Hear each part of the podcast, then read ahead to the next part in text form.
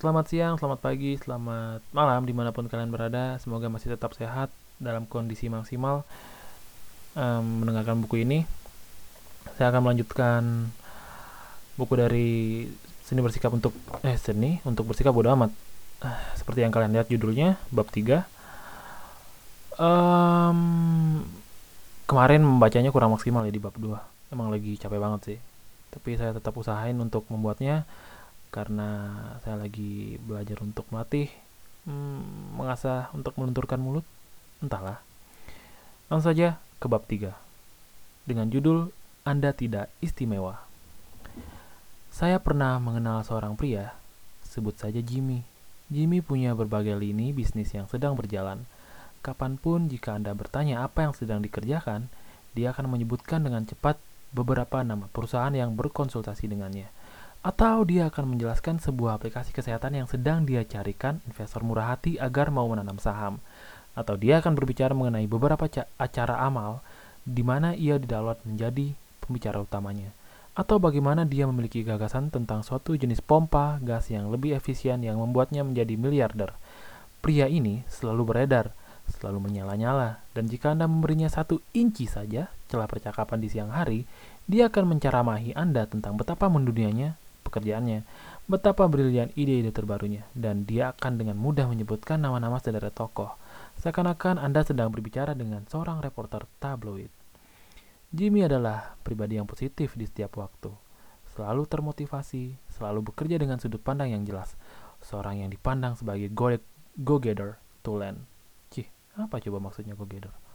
Di balik itu semua, Jimmy adalah seorang bajingan, hanya bicara, tidak ada aksi.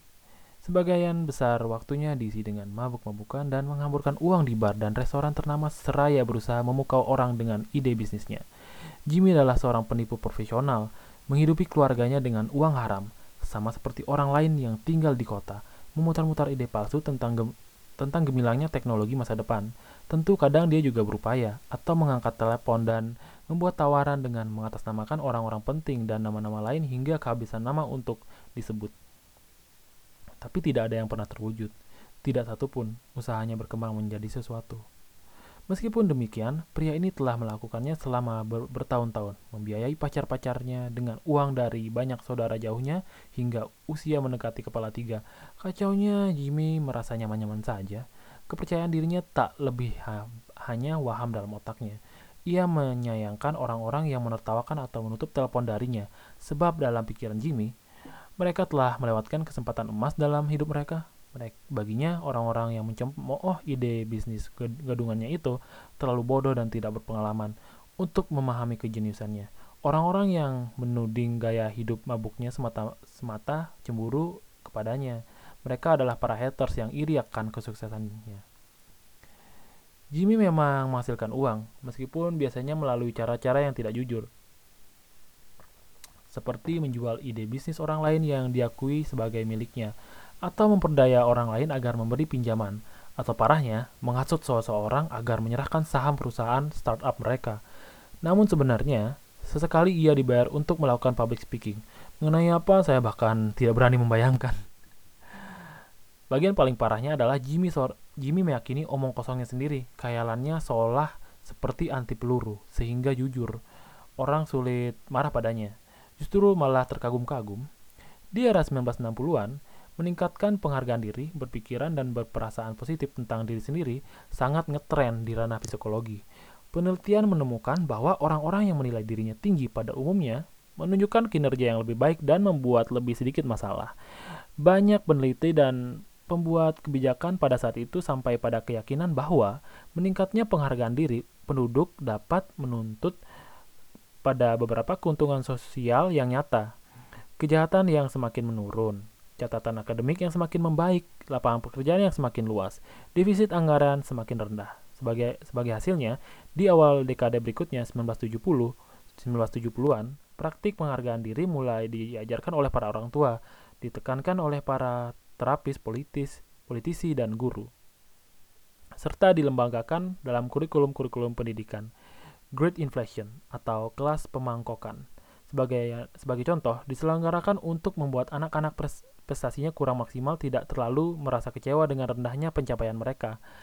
Penganugerahan penghargaan atas partisipasi mereka beserta tro trofi palsu diciptakan untuk serangkaian kegiatan yang tak terlalu menarik dan mudah ditebak. Anak-anak diberi pekerjaan rumah yang konyol, seperti menuliskan semua alasan mengapa mereka adalah pribadi yang istimewa, atau lima hal yang paling mereka sukai tentang diri mereka sendiri. Pastor dan pendeta berkata, meyakinkan seluruh jemaat bahwa setiap dari mereka adalah istimewa di hadapan Tuhan dan ditakdirkan untuk menjadi lebih. Tidak sama seperti orang kebanyakan, seminar bisnis dan motivasi mengatakan berulang kali mantra paradoks yang sama. Setiap dari antara kita dapat menjadi luar biasa dan teramat sukses. Namun, bergantilah generasi berikutnya, dan terbacalah sebuah data yang berkata, tidak ada tidak ada dari kita yang istimewa. Ternyata sekedar merasa bahagia atas diri Anda sendiri tidak berarti apa-apa. Kecuali jika Anda memiliki satu alasan yang bagus untuk merasa bahagia atas diri Anda sendiri. Pada kenyataannya, kemalangan dan kegagalan sungguh berguna dan bahkan diperlukan untuk membangun seorang menjadi orang dewasa yang tangguh dan sukses. Faktanya, Mengajar orang untuk meyakini bahwa mereka istimewa dan merasa baik tentang diri mereka sendiri dengan alasan apa pun tidak lantas menjadikan mereka suatu populasi yang penuh dengan Bill Gates dan Martin Luther King. Martin Luther King. Ini justru menciptakan satu populasi penuh dengan pria seperti Jimmy. Ya, Jimmy, sang pendiri perusahaan yang terbuai delusinya sendiri yang menghisap ganja setiap hari dan tidak memiliki keterampilan menjual yang nyata selain berbicara pada dirinya sendiri dan meyakini, meyakininya. Jimmy tipe pria yang meneriaki rekan kerjanya dengan alasan kurang dewasa dan kemudian menggunakan kartu kredit perusahaan hingga batas maksimal di Le Bernardin demi membuat beberapa model Rusia terkesan. Jimmy yang dalam waktu singkat dijauhi bibi dan pamannya karena terus meminjam uang. Ya, dialah Jimmy yang percaya diri dan memiliki penghargaan yang penghargaan diri yang tinggi. Jimmy yang menghabiskan banyak waktunya untuk berbicara mengenai betapa baiknya dia sehingga dia lupa untuk benar-benar melakukan sesuatu. Yang menjadi masalah dengan gerakan peningkatan penghargaan diri ini adalah bahwa ukuran yang digunakan berdasar pada seberapa positif orang melihat diri mereka sendiri. Namun, ukuran yang benar dan akurat untuk penghargaan diri seorang sesungguhnya terletak pada bagaimana orang tersebut memahami aspek negatif. Kecepatan bacanya. Namun, ukuran yang benar dan akurat untuk penghargaan diri seseorang sesungguhnya terletak pada bagaimana orang tersebut memahami aspek negatif dari diri mereka sendiri. Jika seseorang seperti Jimmy merasa sangat merat, merasa sungguh baik selama 90,9% dalam hidupnya, meskipun hidupnya hancur berantakan di sekelilingnya, lalu bagaimana itu bisa menjadi alat ukur yang valid untuk sebuah hidup yang sukses dan bahagia? Jimmy merasa istimewa, itu saja. Dia merasa seakan-akan layak mendapatkan hal-hal tanpa berusaha. Dia percaya diri, bisa menjadi kaya tanpa harus bekerja. Dia percaya diri, dapat disukai dan menjalani, menjalin hubungan yang baik tanpa pernah membantu orang seorang pun. Dia percaya diri berhak memiliki sesuatu suatu gaya hidup yang luar biasa tanpa pernah mengorbankan apa pun. Orang-orang seperti Jimmy begitu terpaku pada perasaannya maaf, orang-orang seperti Jimmy begitu terpaku perasaan nyaman karena berhasil mengelabui diri mereka sendiri hingga yakin bahwa mereka sed sedang menyelesaikan hal-hal besar. Bahkan ketika mereka tidak melakukannya mereka yakin mereka adalah pembaca pembawa acara yang berlian di atas panggung. Padahal mereka sedang memodohi diri mereka sendiri. Mereka nyebut diri mereka motivator dan menggalang dana untuk membantu sesama. Walau masih berumur 25 tahun dan belum pernah melakukan hal mendasar apa pun dalam hidup kehidupan mereka Orang-orang tersebut menampilkan sebuah kepercayaan diri di level delu delusional. Kepercayaan diri semacam ini bisa menarik orang lain, setidaknya untuk sementara waktu. Dalam beberapa contoh, orang-orang dengan tingkat kepercayaan diri seperti ini dapat menulari dan membantu orang-orang di sekitarnya merasa lebih percaya diri juga. Di luar dari semua tipuan Jimmy, saya harus mengakui bahwa kadang menyenangkan bergaul dengan mereka. Anda akan merasa tidak bisa dikalahkan saat berada di dekatnya, namun yang menjadi persoalan dengan model kepercayaan diri semacam ini adalah bahwa ini membuat mereka perlu selalu merasa bahagia atas diri mereka sendiri, walau harus membuat orang-orang di sekitarnya terganggu.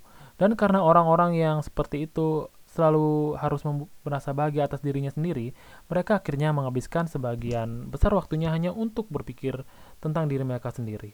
Padahal di luar semua itu, dibutuhkan energi dan usaha yang besar untuk meyakinkan diri Anda sendiri bahwa tai yang Anda keluarkan tidak bau busuk, apalagi jika Anda benar-benar tinggal di sebuah kaktus.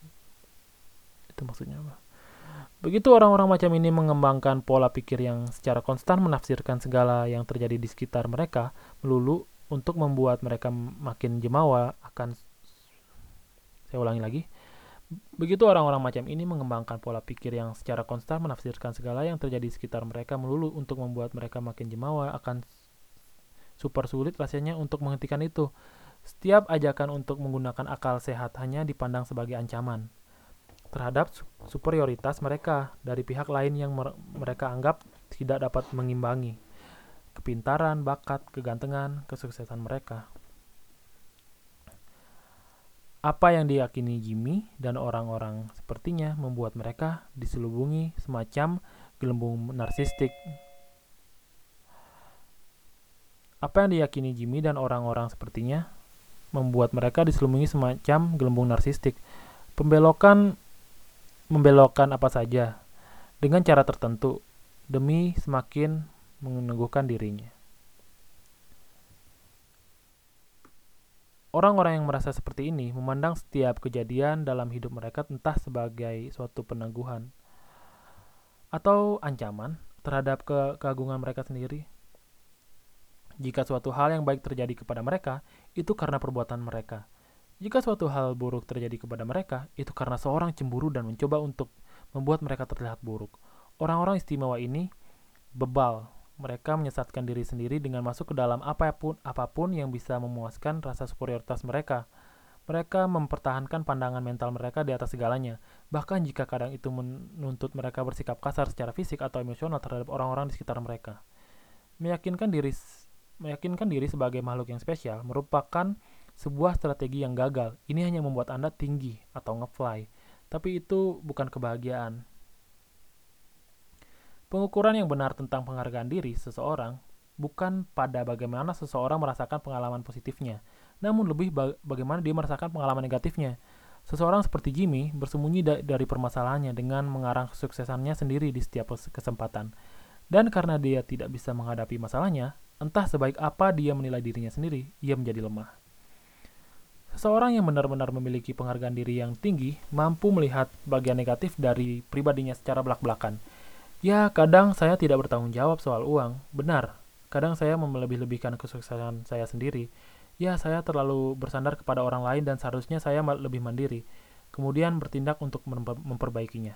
Namun, orang yang keblinger dengan dirinya sendiri karena mereka tidak mampu mengakui masalah mereka sendiri secara terbuka dan jujur, justru tidak bisa memperbaiki hidup mereka dengan cara yang tahan lama atau bermakna.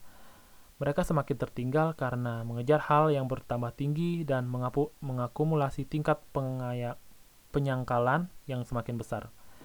Namun pada akhirnya, kenyataan akan menghantam mereka, dan masalah-masalah mendasar akan menampakkan dirinya lagi kali ini dengan lebih jernih. Ini hanya perkara kapan dan seberapa sakit itu nantinya. Subbab pertama, hancur berantakan. Minum dulu. Pukul 9 pagi, di kelas biologi, saya menyandarkan kepala di atas lengan sambil memandangi jarum panjang yang membu yang putarannya maaf, sambil memandangi jarum panjang yang membuat putaran. Bunyi TikTok muncul dan tenggelam bergantian dengan penjelasan guru yang membosankan mengenai kromosom dan mitosis. Seperti anak berusia 13 tahun lain yang terjebak dalam suatu ruang kelas yang dipenuhi murid Diterangi lampu pijar, saya bosan. Terdengar pintu diketuk. Pak Price, kepala sekolah, melengok ke dalam. Permisi, mengganggu. Mark, bisakah kamu keluar dengan saya sebentar? Oh, dan bawa barang-barangmu. Aneh pikir saya. Biasanya anak-anaklah yang disuruh menemui kepala sekolah. Jarang kepala sekolah menemui mereka. Saya meraih barang-barang saya dan meninggalkan ruangan. Lorong sudah sepi, ratusan loker berwarna kuning kunyit seperti membentuk cakrawala. Mark, bisa antar bapak ke lokermu? Tolong. Tentu, jawab saya. Sambil ngeloyor seperti siput menyusuri lorong, bercelana bagi, rambut acak-acakan, dengan t-shirt Pantera yang kebesaran dan lainnya sebagainya. Kami sampai di loker saya. Tolong buka, kata Pak Price. Dan saya pun mengerjakannya. Dia melangkah di depan saya dan mengambil jaket saya, tas olahraga saya, tas punggung saya, semua isi loker, kecuali beberapa buku catatan dan pensil. Dia mulai berjalan menjauh. Tolong ikuti saya. Ujarnya, tanpa menengok ke belakang. Saya mulai merasa tidak nyaman. Saya mengikuti ke kantor. Di sana dia meminta untuk duduk. Dia meminta pintu untuk Maaf, dia menutup pintu dengan dan menguncinya. Dia berjalan ke arah jendela dan mengatur tirai agar tidak terlihat dari luar. Telapak tangan saya mulai berkeringat. Ini bukan pertemuan dengan kepala sekolah yang yang biasa. Pak Price duduk dan dengan tenang menggeledah barang-barang saya, memeriksa kantong-kantong, membuka setiap resleting, mengebaskan baju olahraga saya, dan membiarkannya tergeletak di, di lantai. Tanpa memandang saya, Pak Price bertanya, Kamu tahu apa yang saya cari, Mark? Tidak, jawab saya. Narkoba. Kata tersebut nyaris membuat jantung saya copot. N narkoba? Saya mendadak gagap. J jenis apa? Dia menatap saya dengan tajam. Saya tidak tahu, kamu punya jenis apa? Dia membuka salah satu binder dan memeriksa kantong-kantong kecil untuk pena. Keringat saya bermunculan seperti jamur tumbuh di musim hujan menyebar dari telapak tangan saya ke lengan dan sekarang leher. Kening saya berdenyut karena derasnya darah yang mengalir kotak dan wajah saya. Seperti kebanyakan anak berusia 13 tahun yang baru saja dituduh memiliki narkoba dan membawanya ke sekolah. Rasanya saya ingin melarikan diri dan bersembunyi. Saya tidak tahu apa yang sedang Bapak bicarakan. Saya memprotes. Kata-kata saya terdengar jauh lebih buruk dari yang saya kira. Saya mersi, merasa sepertinya sekarang ini saya harus terdengar meyakinkan, atau mungkin tidak. Mungkin sebaiknya saya terdengar ketakutan. Apakah pembohong terdengar ketakutan atau meyakinkan? Mau seperti apa suaraku, suara yang keluar? Saya selalu ingin terdengar seperti kebalikannya. Malah karena kurangnya komponen kepercayaan diri, ketidakpercayaan diri saya tentang suara saya yang terdengar kurang percaya diri membuat saya semakin kurang percaya diri. Sial, lingkaran setan itu lagi. Kita lihat saja nanti, ujarnya. Memalingkan perhatian ke tas punggung saya, yang terlihat seperti punya ratusan kantong. Setiap kantong terisi dengan barang-barang konyol khas remaja. Ballpoint warna, ballpoint warna, lembar catatan yang dibagikan, dibagikan di kelas, CD lagu awal 90-an, dengan wadah yang retak, spidol cepat kering, dan buku gambar usang yang hilang separuh halamannya, debu, sepihan kain, serta kotoran yang tertumpuk selama masa-masa SMP yang saya yang gila. Perlu saya pasti bergerak dengan kecepatan cahaya, karena waktu seolah memanjang dan melebar sendiri. Sehingga detik-detik yang berlalu di jam kedua biologi pukul 9 pagi tersebut sekarang terasa sangat lama seperti di zaman paleolitik. Dan saya pun tumbuh dan sekarat di setiap menit. Hanya ada saya dan Pak Pres, dan kantong tas punggung saya yang seakan tak berdasar. Suatu saat di zaman Mesololitik, Mesolitik, Pak Price pun selesai memeriksa tas saya. Karena tidak menemukan apa pun, dia terlihat bingung. Dia membalikkan tas dan isinya berceceran di lantai kantornya. Sekarang gantian, dia yang berkeringat.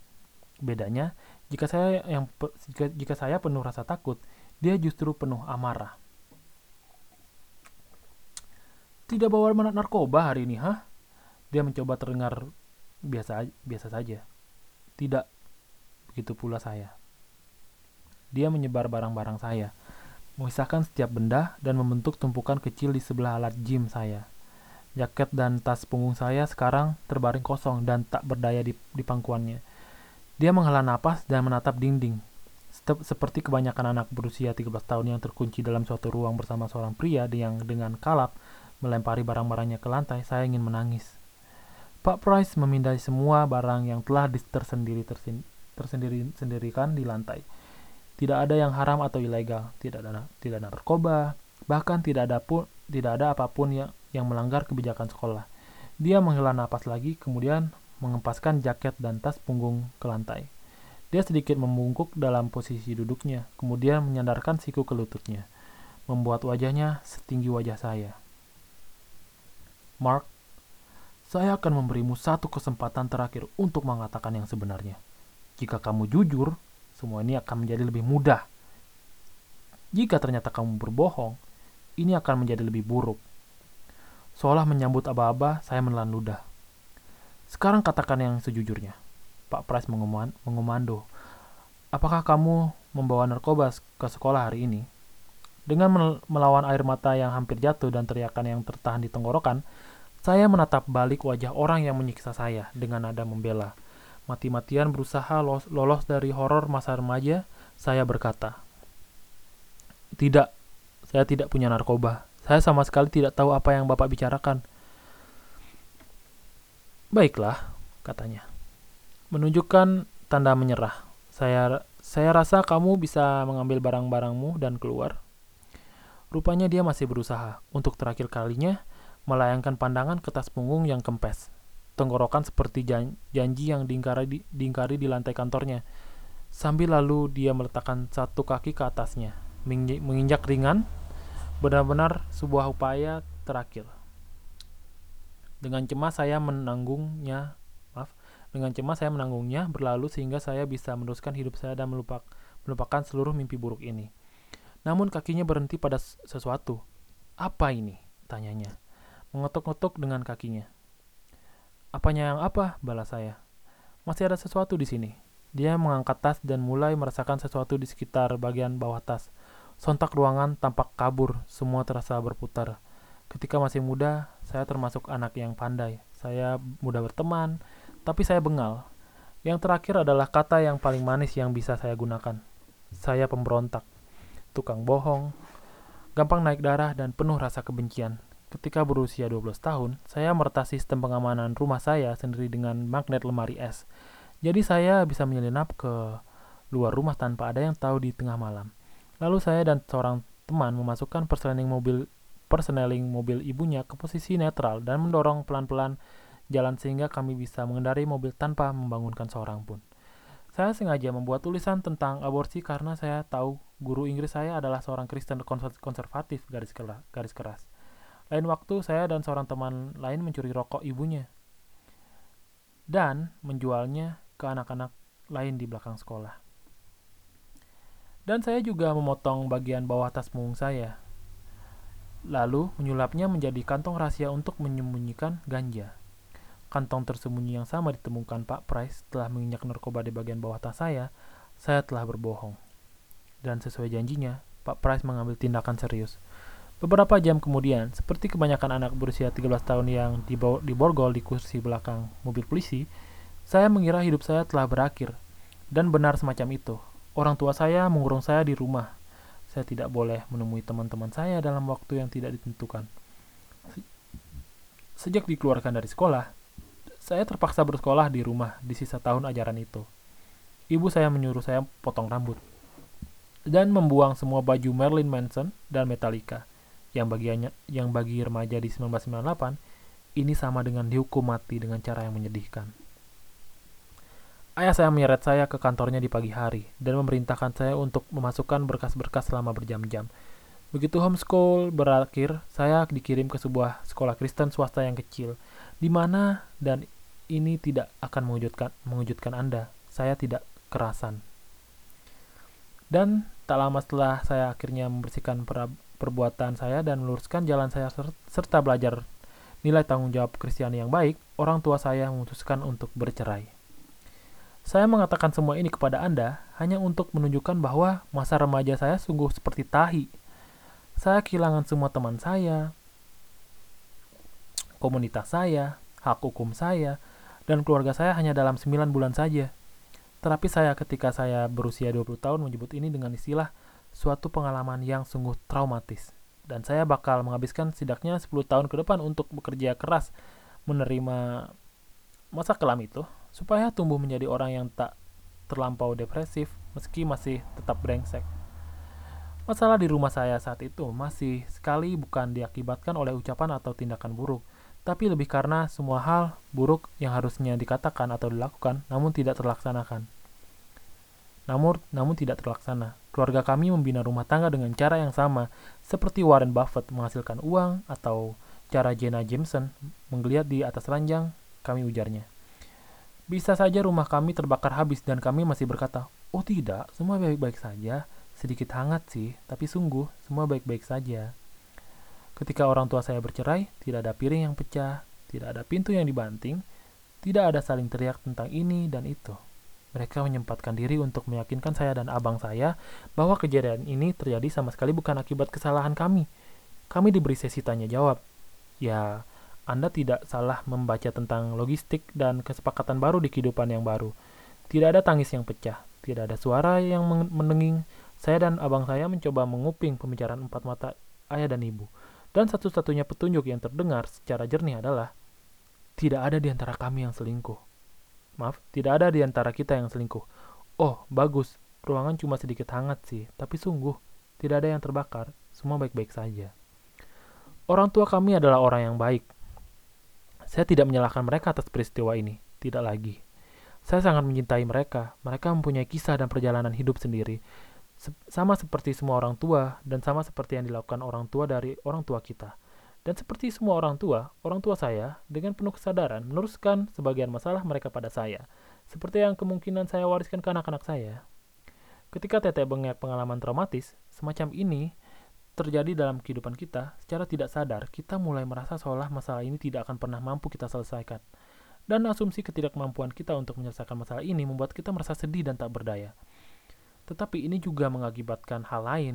Kita juga punya kita jika kita punya masalah yang tidak terselesaikan, alam bawah sadar kita tahu bahwa kita sebenarnya tidak istimewa atau gagal dalam arti tertentu. Bahwa kita entah bagaimana, kita, tidak seperti orang lain dan kar dan karena itu beberapa aturan berlaku berbeda untuk kita. Alasannya sederhana, kita merasa istimewa. Rasa sakit dari masa remaja saya menuntun saya ke jalan keistimewaan. Sepanjang masa dewasa awal saya, mirip dengan keistimewaannya Jimmy bermain di kancah dunia bisnis, di mana dia berpura-pura sukses besar. Keistimewaan saya ada di dunia percintaan dengan para wanita Trau trauma saya membelit seputar isu keintiman dan penerimaan. Jadi saya merasakan ada kebutuhan untuk mendapatkan kasih sayang secara berlebihan, untuk membuktikan pada diri saya sendiri bahwa saya memang dicintai dan diterima setiap waktu. Dan sebagai dampaknya, saya mengejar-ngejar perempuan seperti pemadat yang mengejar boneka salju yang terbuat dari kokain. Saya bercinta dengan panas, kemudian langsung tercekik. Saya menjadi seorang buaya, buaya darat, tak dewasa, egois, namun kadang ber berkarisma dan saya menjalani menjalin rangkaian panjang hubungan yang dangkal dan tidak sehat selama hampir 10 tahun. Bukan melulu seks yang saya inginkan, meski itu juga menyenangkan.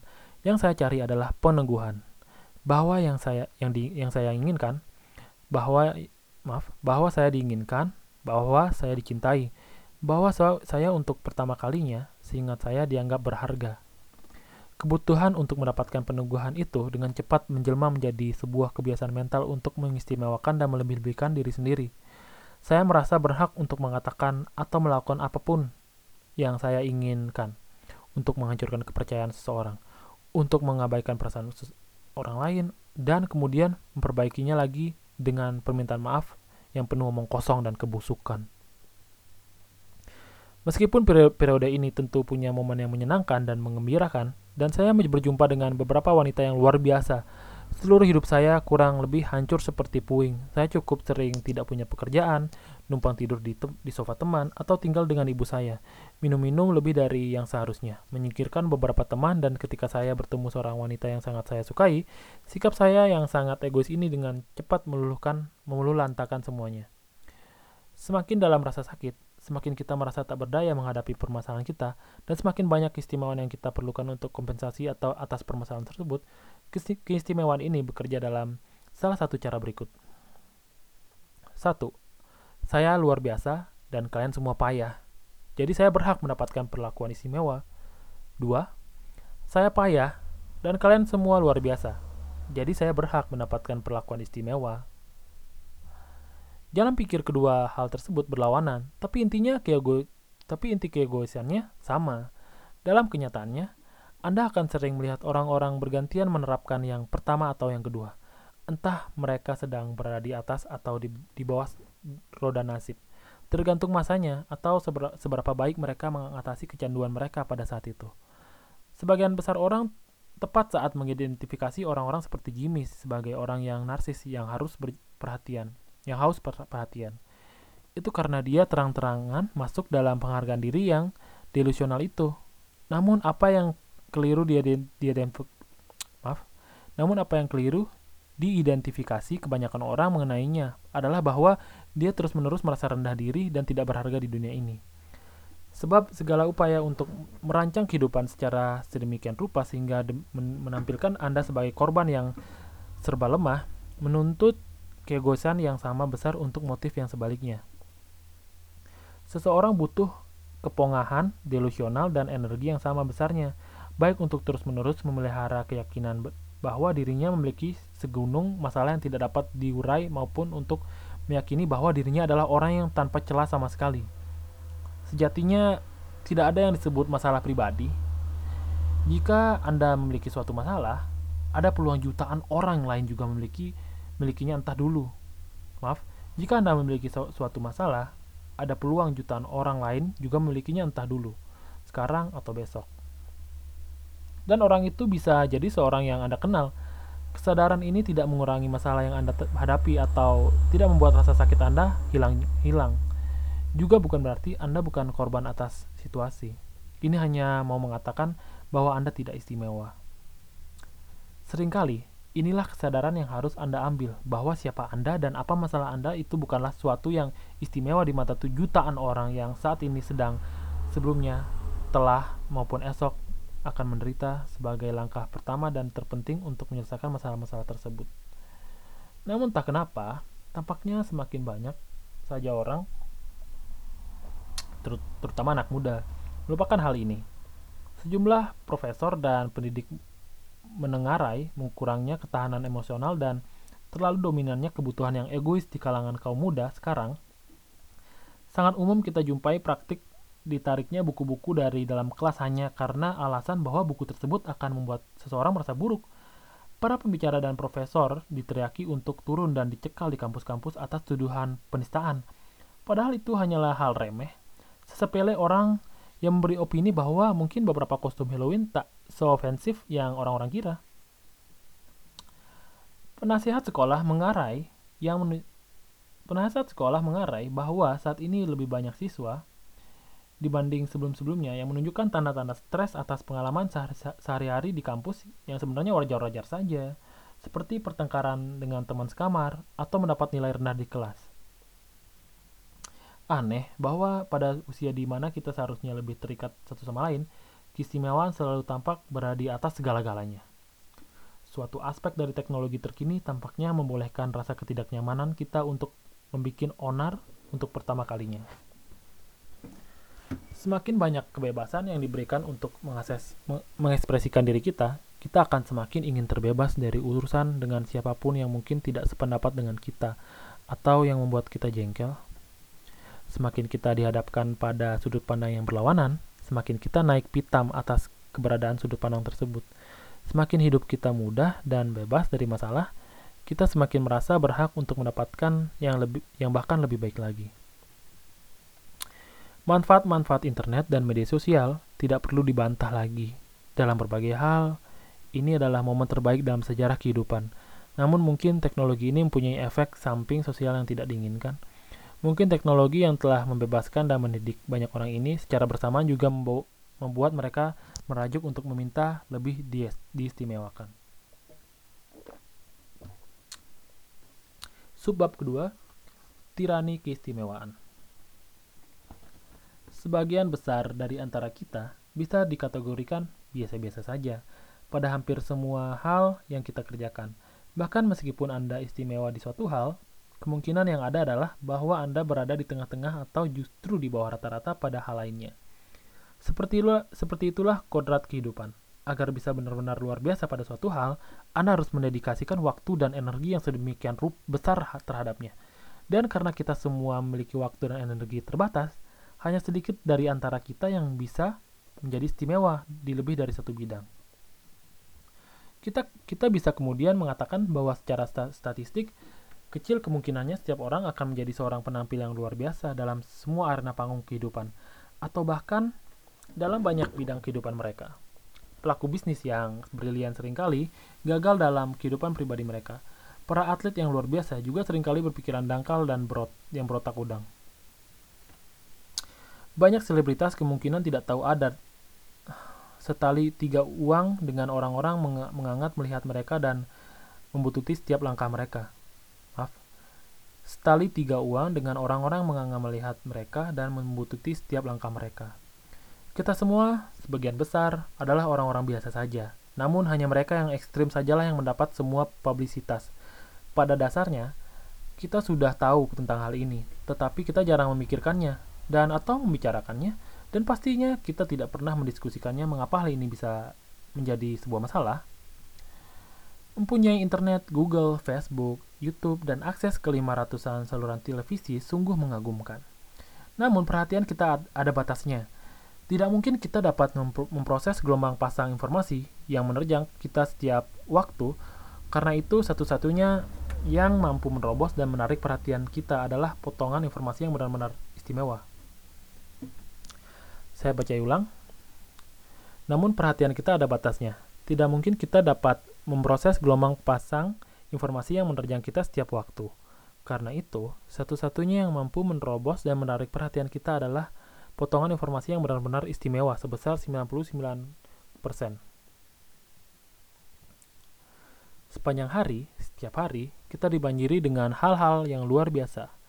Terbaik dari yang terbaik, terburuk dari yang terburuk, prestasi yang paling memukau, lucuan yang paling konyol, berita yang paling mengecewakan, ancaman yang paling menakutkan non-stop. Hidup kita sekarang ini diisi dengan informasi dari sisi ekstrim kurva lonceng pengalaman manusia. Karena dalam bisnis media inilah yang menjadi pusat perhatian dan pusat perhatian menghasilkan uang. Itulah alasan utamanya. Padahal mayoritas kehidupan berada di level tengah yang membosankan. Kehidupan yang tidak istimewa, tapi biasa aja.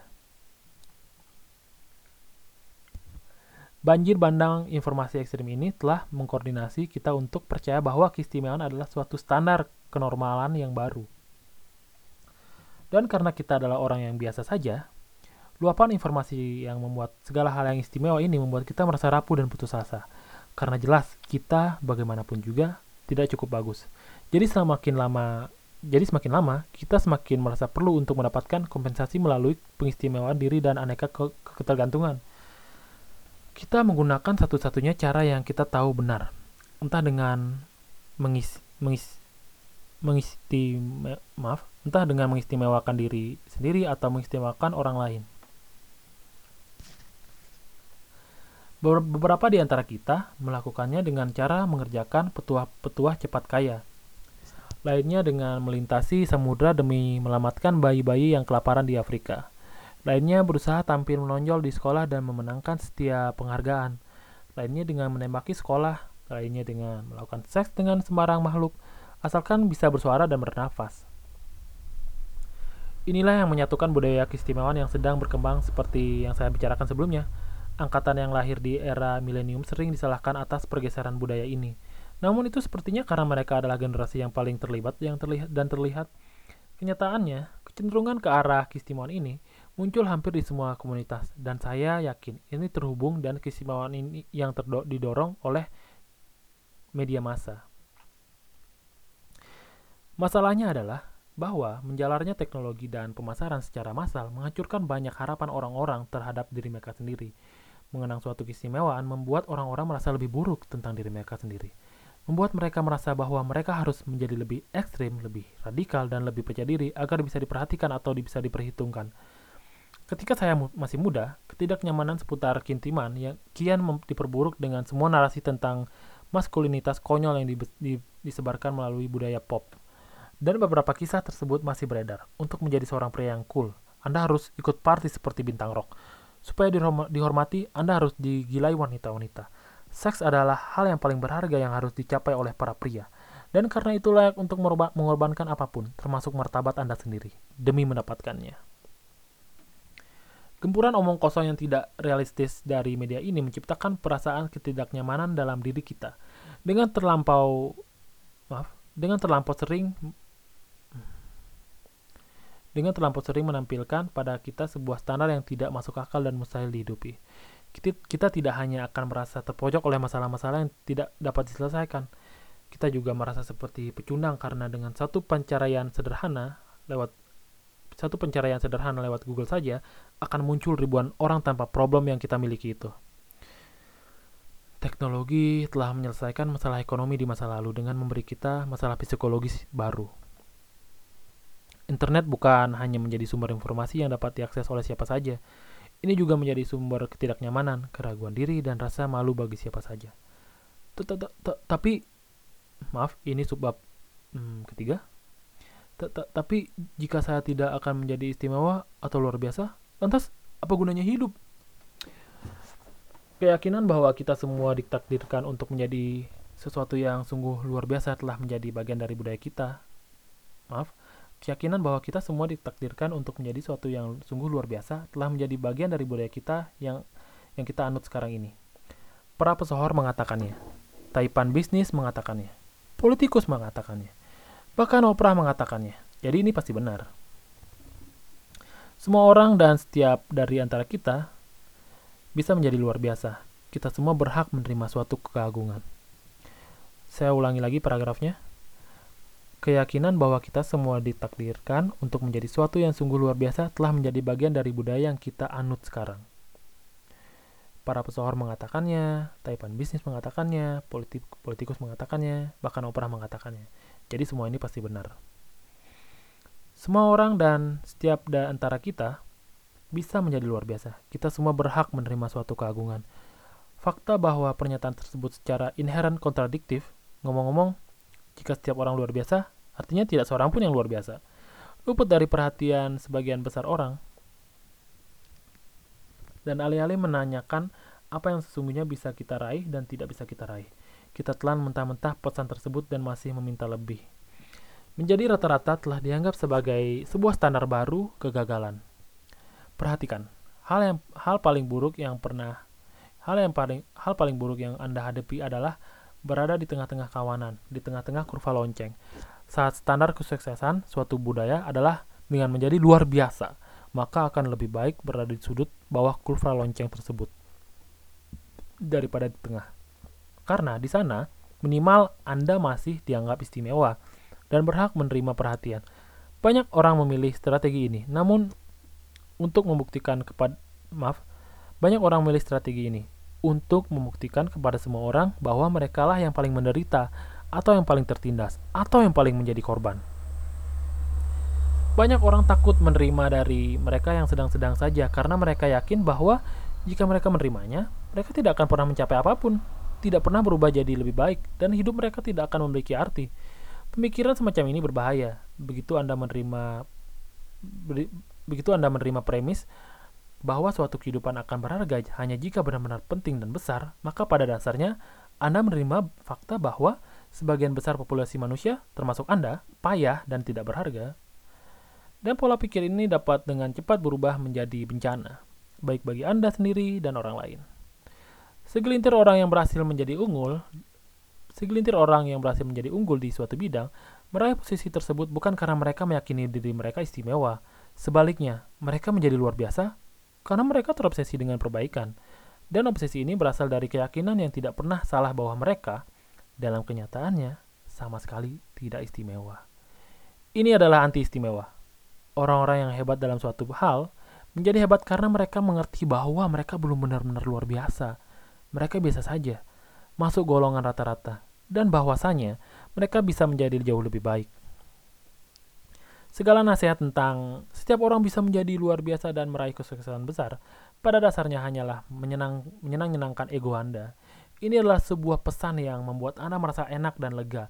Namun pada kenyataannya, ini ibarat kalori yang membuat Anda secara emosional gemuk dan membengkak seperti Big Mac untuk jiwa dan benak Anda.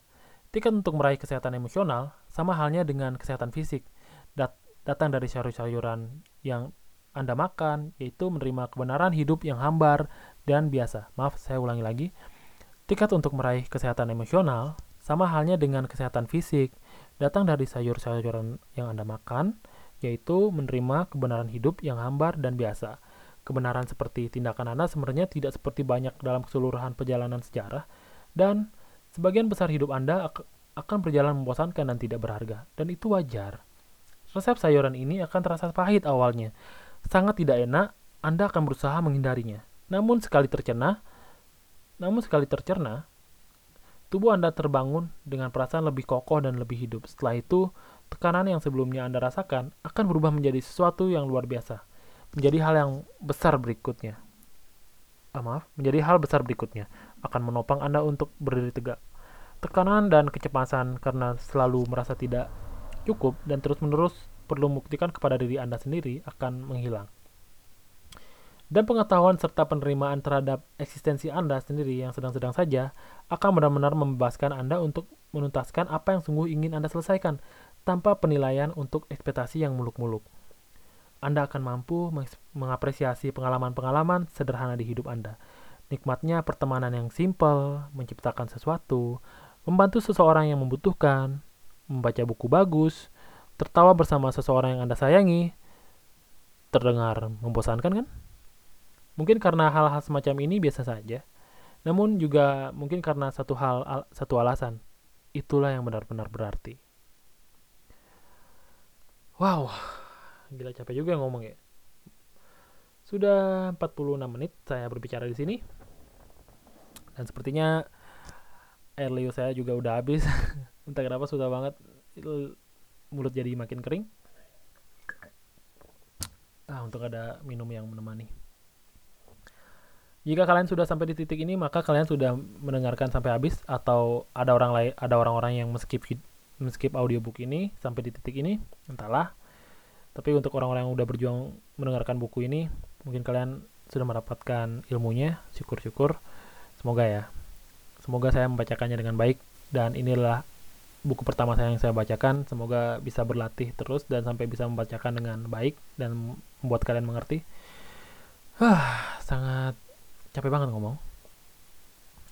Untuk audio kali ini mungkin sekian dan saya akan ngupload tiap hari meskipun capek karena saya ingin berlatih.